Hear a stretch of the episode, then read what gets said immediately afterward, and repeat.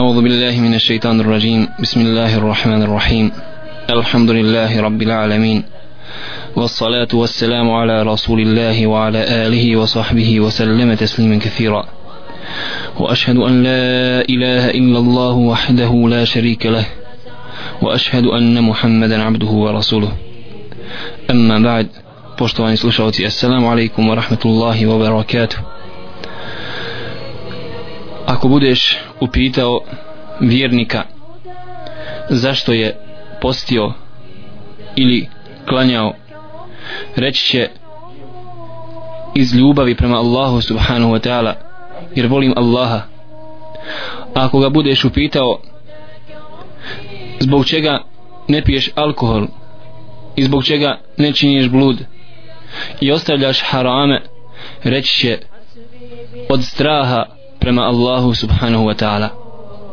Ovako kažu islamski učenjaci da naš ibadet da naše obožavanje Allaha subhanahu wa ta'ala biva na ova dva velika temelja a to je ljubav prema Allahu subhanahu wa ta'ala i želja za njegovim džennetom koga on obećao vjernicima a s druge strane strah od njega i njegove kazne strah od džehennema zato je pisac knjige o tevhidu da mu se Allah subhanahu wa ta'ala smiluje. Nakon što je spomenuo poglavlje koje govori o ljubavi prema Allahu jalla i ljubavi prema Allahom poslaniku sallallahu alaihi wa sallam spomenuo poglavlje koje govori o strahu prema Allahu subhanahu wa ta'ala i onda je pisac knjige o Teuhidu spomenuo kuranski ajet u ovome poglavlju poglavlju koje govori o strahu prema Allahu subhanahu wa ta'ala. Innama zalikumu šeitanu yuhawifu awliya'e fala takhafuhum wa khafuni in kuntum mu'minin. To je šeitan koji zastrašuje svoje štićenike, svoje prijatelje ali kaže Allah subhanahu wa ta'ala Allahom poslaniku Muhammedu sallallahu alaihi wa sallam i ashabima fela te hafuhum i nemojte se vi njih bojati. Nemojte se bojati šeitana i njegovih štićenika. Wa hafuni in kuntum mu'minin. Nego se mene bojte ako ste pravi i potpuni vjernici. Kažu komentatori ovog kuranskog ajeta da je povod njegove objave. Bio to da su mušici nakon pobjede nad muslimanima u bici na Uhudu zaprijetili Allahovom poslaniku Muhammedu sallallahu alaihi wasallam u Medini i njegovim ashabima radi Allahu ta'ala anhum da će se vratiti ponovo i da će pokazati muslimanima po drugi put. Pa su došli neki da zastraši Allahu poslanika Muhammeda sallallahu alaihi wa sallam i ashabe pa su rekli ono što kaže Allah subhanahu wa ta'ala الذين قال لهم الناس إن الناس قد جمعوا لكم فاخشوهم فزادهم إيمانا وقالوا حسبنا الله ونعم الوكيل da je došla grupa ljudi pa su rekli ashabima inna nase kad džema'u lakum. Ljudi su se sakupili protiv vas. Fahšavhum pa ih se bojite. Pa im je Allah subhanahu wa ta'ala povećao iman pa su rekli hasbun Allahu wa ni'mal wakil. Dovoljan nam je Allah i divan li je on pomagač.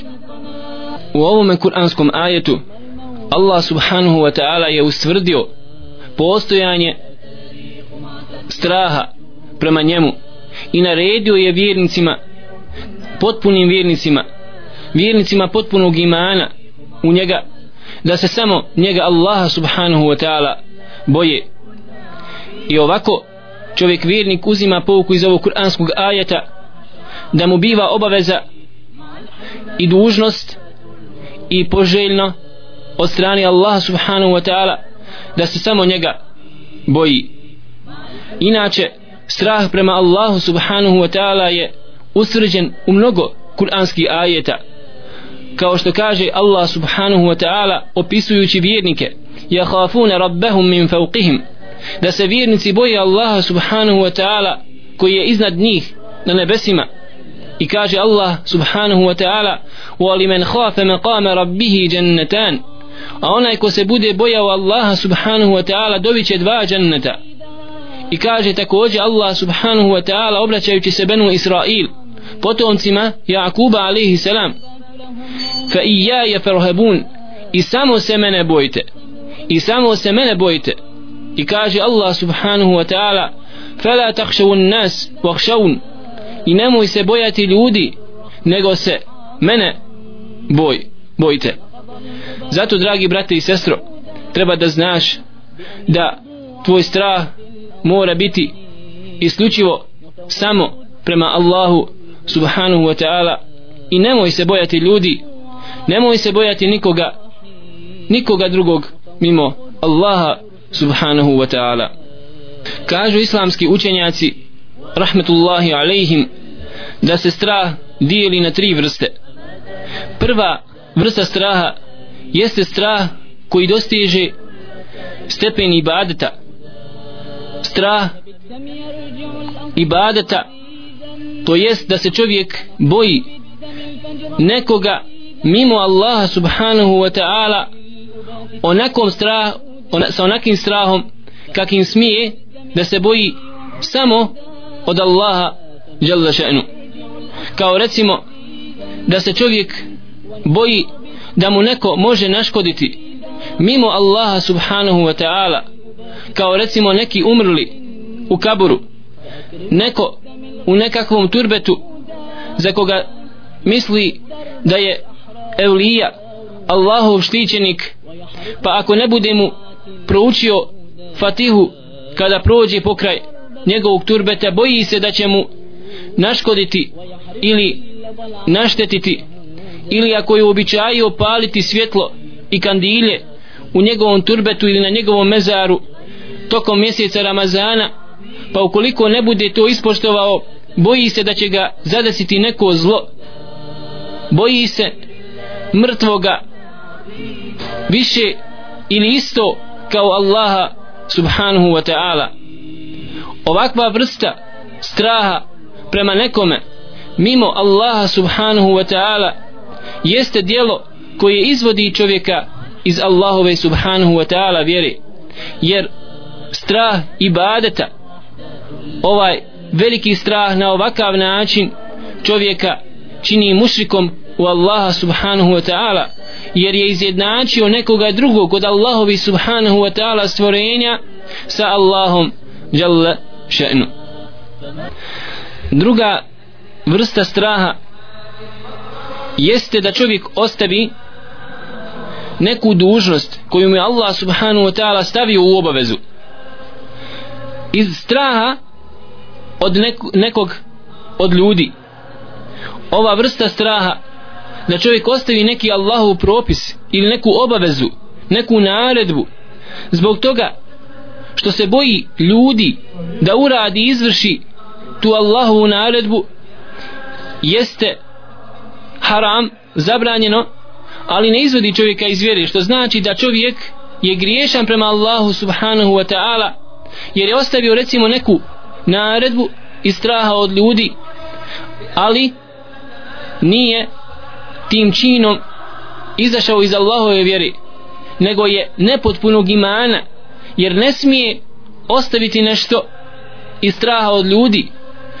Zato kaže Allahu poslanik sallallahu alaihi wa sallam da će reći Allah subhanahu wa ta'ala na sunjem danu čovjeku ma mena'aka idh ra'ajta al-munkar an la tughayyirah šta te zapriječilo kada si vidio loše djelo lošu stvar na ulici ili na putu ili u kući svojoj da ne promijeniš tu stvar da je zabraniš?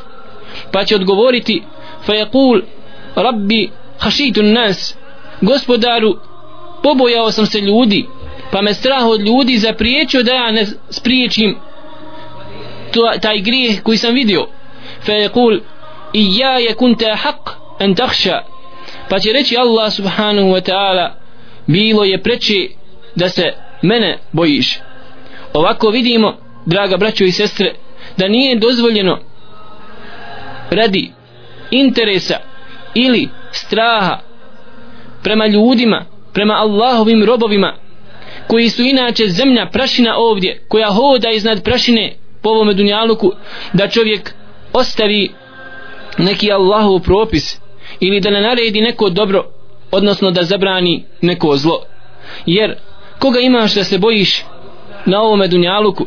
Zar ne znaš da oni koji hodaju sada po dunjaluku da je to prašina koja hoda samo koja će za stotinu godina biti prašina?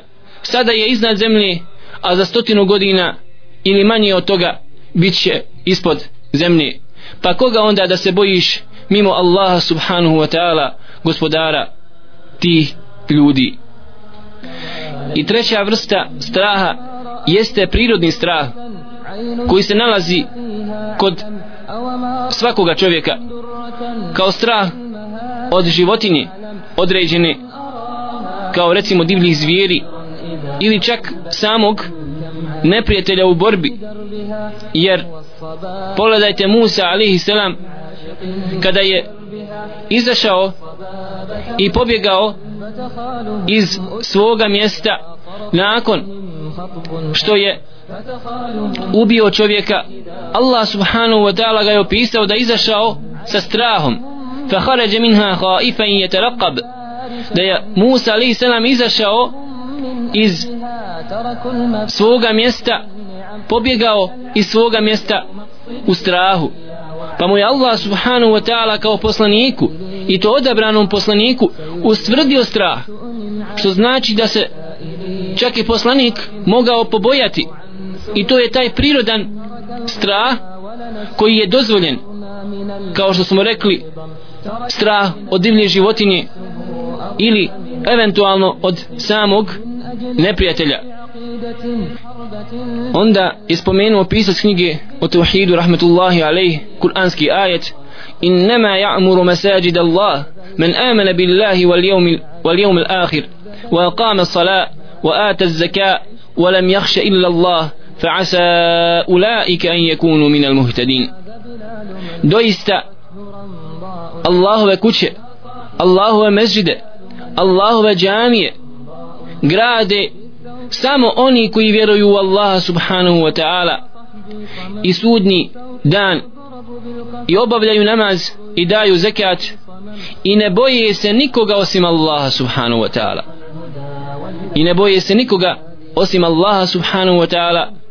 Fa'asa ulaika an yakunu min al-muhtadin to su oni koji su na pravom putu koji su upućeni. Kaže ibn Abbas radijallahu ta'ala anhuma da ovdje riječ fa'asa koja u osnovi u arapskom jeziku znači možda. Svako asa u arapskom jeziku odnosno u Kur'anu kada Allah subhanahu wa ta'ala spomene znači zasigurno. Što znači da su sigurno oni koji vjeruju Allaha i sudnji dan i obavljaju namaz i daju zekat i kao takvi prave i grade Allahove kuće, Allahove džamije i ne boji se nikoga osim Allaha subhanahu wa ta'ala zasigurno na pravome putu. Što znači dragi brate i sestro ti koji budeš učestvovao u gradnji izgradnji Allahove kuće neke od Allahove kuća na zemlji mezđida, džamija treba da znaš da je to direktan dokaz svoga imana tvoga vjerovanja u Allaha subhanahu wa ta'ala tvoga istinskog vjerovanja u Allaha i sudni dan. Jer te je ovdje u ovome kuranskom ajetu jasno Allah subhanahu wa ta'ala rekao da ne može Allahu kuću graditi osim vjerniku Allaha jalla še'nu. I kaže Allah subhanahu wa ta'ala ومن الناس من يقول آمنا بالله فإذا أوذي في الله جعل فتنة الناس كعذاب الله. إما الودي كي كاجو مي بيرويم والله سبحانه وتعالى. ألي كاجو سامو. فإذا أوذي في الله جعل فتنة الناس كعذاب الله. ألي كذا بودي إسكشان كذا زادسي نكا نفولا نكو إسكشيني radi Allaha subhanahu wa ta'ala radi toga što je rekao ja vjerujem. Radi toga što je musliman što je mu'min u Allaha subhanahu wa ta'ala. Onda on digne toliki belaj onda to, digne toliku frku da učini iskušenje to i kaznu koja ga je zadesila od ljudi kao kaznu od Allaha subhanahu wa ta'ala.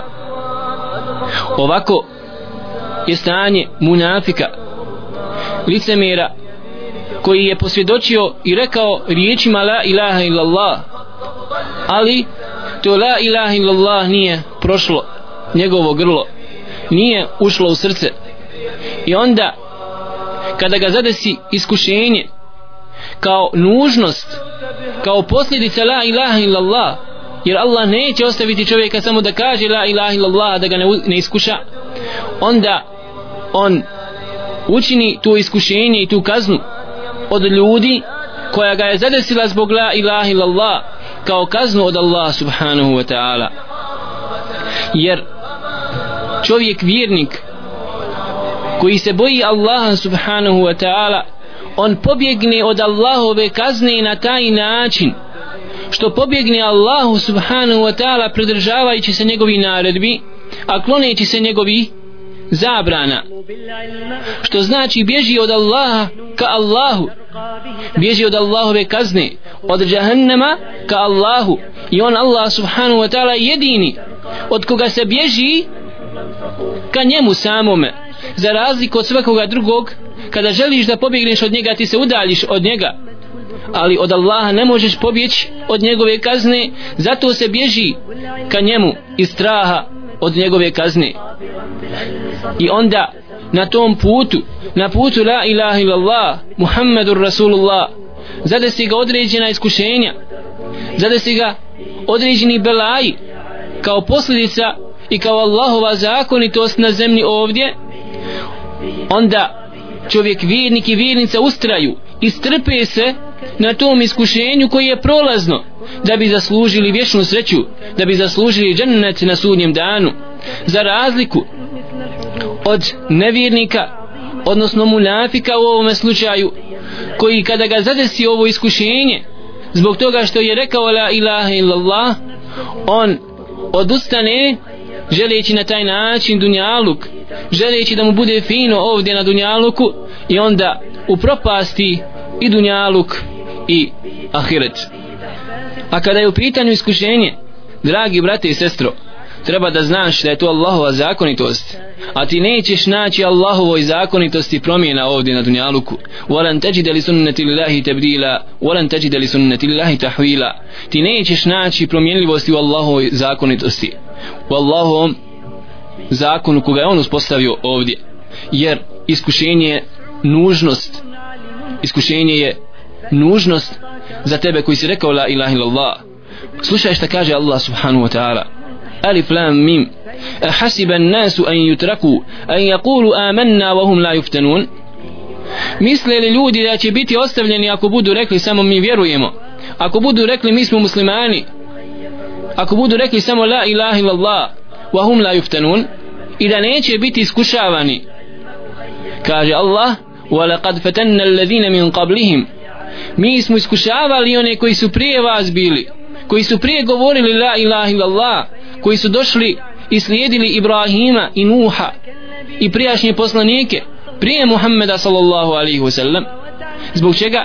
Da bi Allah subhanahu wa ta'ala pokazao ko je iskreno rekao la ilaha illallah i ko je dostojan toga svog šehadeta i da bi Allah očistio safove vjernika da bi ukazao ko su lašci a ko su oni koji su istinu rekli sa objeđenjem. Oni u čije srca ušlo la ilaha illallah.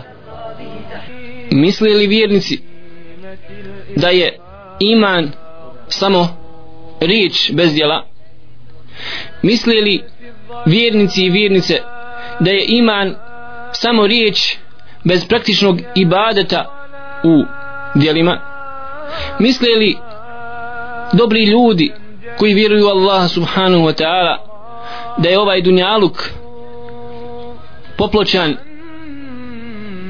popločan cvijećem i da će preko cvijeća i finog udobnog puta na ovom dunjaluku stići do dženneta.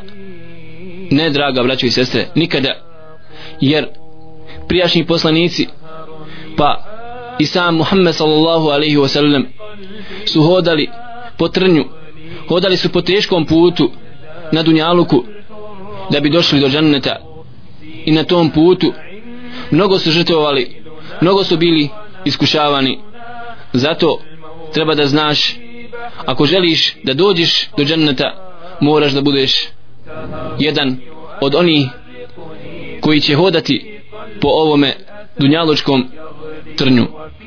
Kaže Allah subhanahu wa ta'ala am hasibtum أن تدخلوا الجنة ولما يأتكم مثل الذين خلوا من قبلكم مستهم البأساء والضراء وزلزلوا حتى يقول الرسول والذين آمنوا معه متى نصر الله ألا إن نصر الله قريب zar mislite da ćete ući u džennet a da vam neće doći primjer oni koji su živjeli prije vas primjer prijašnjih naroda koji su bili iskušavani do te mjere da bi jedan od njih kako kaže Allahu poslanik Muhammed sallallahu alaihi wasallam znao biti raspolovljen testerom sa vrha glave do pete ali ne bi ostavio la ilaha illallah ne bi ostavio vjeru poslanika u koga je povjerovao. Pa mislite li vi o ummete Muhammeda sallallahu alaihi wasallam da ćete ući u džennete da vam ne dođu ovakvi i slični primjeri od prijašnjih naroda koji su na ovakav način bili iskušavani zbog riječi svoji zbog la ilaha illallah jer ni prijašnji narode zadešavala je velika tegoba i bili su uzdrmavani i siromaštvo i toliko su bili uzdrmavani da je čak i poslanik i oni koji su bili sa njim vjernici koji su povjerovali u njega rekli kada će već Allahova subhanu wa ta'ala pobjeda? Ali tada kada je najteže kada je najžešće kada je najveća tama onda očekuj da je zora veoma blizu. Kada je najteže dolazi olakšica. Inna ma'al usri yusra. Sa teškoćom i tegobom dolazi olakšica. I onda u tom momentu kada dođe iskušenje do grla. I kada više čak ni poslanik sallallahu alaihi wa sallam ne vidi izlaza iz tako teške situacije kaže Allah subhanahu wa ta'ala ala inna nasrallahi qarib. Doista je Allahova subhanahu wa ta'ala pobjeda blizu. Zato dragi brate i sestro idi ovim dunjalukom i nemoj se bojati nikoga osim Allaha subhanahu wa ta'ala. Idi ovim dunjalukom digni glavu jer ti si vjernik u Allaha tebe Allah voli i ti voliš Allaha subhanahu wa ta'ala. I ti si najpreći da hodaš po njegovoj zemlji jer ga obožaješ jer ga vjeruješ i poštuješ njegove propise i kloniš na njegovih zabrana. Zato na tom putu nemoj da skrivaš Allahovu subhanahu wa ta'ala vjeru. Dostavi je pojasni je objasni ljudima Allahu želdašenu vjeru. Objasni ljudima Islam objasni taj rahmet milost koju Allah subhanahu wa ta'ala poslao Muhammedu sallallahu alaihi wa sallam. Naređuj dobro a odvraćaj od zla i nemoj se bojati nikoga na tom putu mimo Allaha subhanahu wa ta'ala. Jer znaj znaj da je rekao Allahu poslanik sallallahu alaihi wa sallam Abdullahu ibn Abbasu radi Allahu ta'ala anhuma i nemoj se bojati ako ti bude Allah subhanahu wa ta'ala odredio nešto loše. Znaj da ti čitav svijet kada bi se sakupio ne mogu ti ništa pomoći osim što ti Allah subhanahu wa ta'ala odredio. I obratno ako ti bude Allah subhanahu wa ta'ala bude želio nešto dobro ako ti Allah subhanahu wa ta'ala bude želio nešto dobro znaj da ti se kada bi čitav svijet kada bi se čitav svijet sakupio da ti učini nešto loše da ti naudi, da ti naškodi ne bi ti ništa mogli uraditi više osim onoga što ti Allah subhanahu wa ta'ala odredio. Pa ako znaš da je stvar takva a ona jeste takva onda nemoj se bojati nikoga osim Allaha gospodara svih svjetova. Bilježi imam i tirmidi u svome sunenu u knjizi o zuhdu od Aisha radijallahu ta'ala anha da je rekao Allahu poslanik sallallahu alejhi ve sellem men iltamasa rida Allahi bi sahati nas radi Allahu anhu wa arda anhu nas ko bude tražio zadovoljstvo Allaha subhanahu wa ta'ala pa makar se ljudi i rasrdili na njega Allah će biti zadovoljan sa njim. I učinit će da ljudi koji su ga mrzili zbog toga budu zadovoljni sa njim a ومن التمس رضا الناس بسخط الله سخط الله عليه وأسخط عليه الناس ako bude tražio zadovoljstvo ljudi kroz sržbu Allaha subhanahu wa ta'ala Allah će se rasrditi na njega i učinit će kasnije Allah subhanahu wa ta'ala da se i ljudi na njega rasrde zato dragi brate i sestro nemoj nemoj da tražiš zadovoljstvo ljudi u sržbi i preko sržbe Allaha subhanahu wa ta'ala. A s druge strane nemoj nemoj da tražiš zadovoljstvo ljudi preko sržbe prema Allahu subhanahu wa ta'ala. Jer čovjek vjernik čovjek vjernik koji vjeruje Allaha subhanahu wa ta'ala on će na prvom mjestu staviti zadovoljstvo Allaha jalla še'nu. Pa ko bude zadovoljan sa njim dobro i jeste. Ako bude nezadovoljan to nije njegov problem. Zato čovjek ne treba da skriva Allahovu vjeru i određene Allahove propise zbog određenih običaja jednog naroda jer se boji ako bude obilodanio Allahovu djelašenu vjeru ili određeni Allahov propis da će narod zbog nekakvog svoga običaja koji je u suprotnosti Allahovoj vjeri biti srdit na njega. Znajte da je ovo direktan put ka sržbi Allaha subhanahu wa ta'ala. Zato čovjek treba da objasni i dostavi Allahovu subhanahu wa ta'ala vjeru onako kako je došla od Allaha i njegovog poslanika Muhammeda sallallahu alaihi wa sallam. U ovom hadithu Allahu poslanika sallallahu alaihi wa sallam imamo potvrdu dva Allahova subhanahu wa ta'ala svojstva. Prvo od njih zadovoljstvo a drugo sržba Allaha žele še'nu. Što znači da Allah biva zadovoljan ali isto tako da se Allah subhanahu wa ta'ala i srdi ali treba da znamo da njegovo zadovoljstvo i njegova sržba ni u kom slučaju nije ista niti liči sržbi i zadovoljstvu njegovih stvorenja. Jer Allah subhanahu wa ta'ala jasno rekao u Kur'anu lejse ke mitli še'i njemu Allahu subhanahu wa ta'ala ništa nije slično. Ali vjerujemo da se Allah srdi i da Allah biva zadovoljan.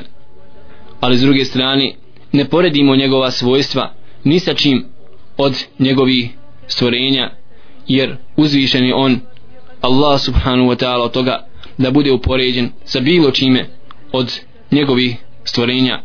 Lej se kemitli šeji. On Allah ničemu nije sličan.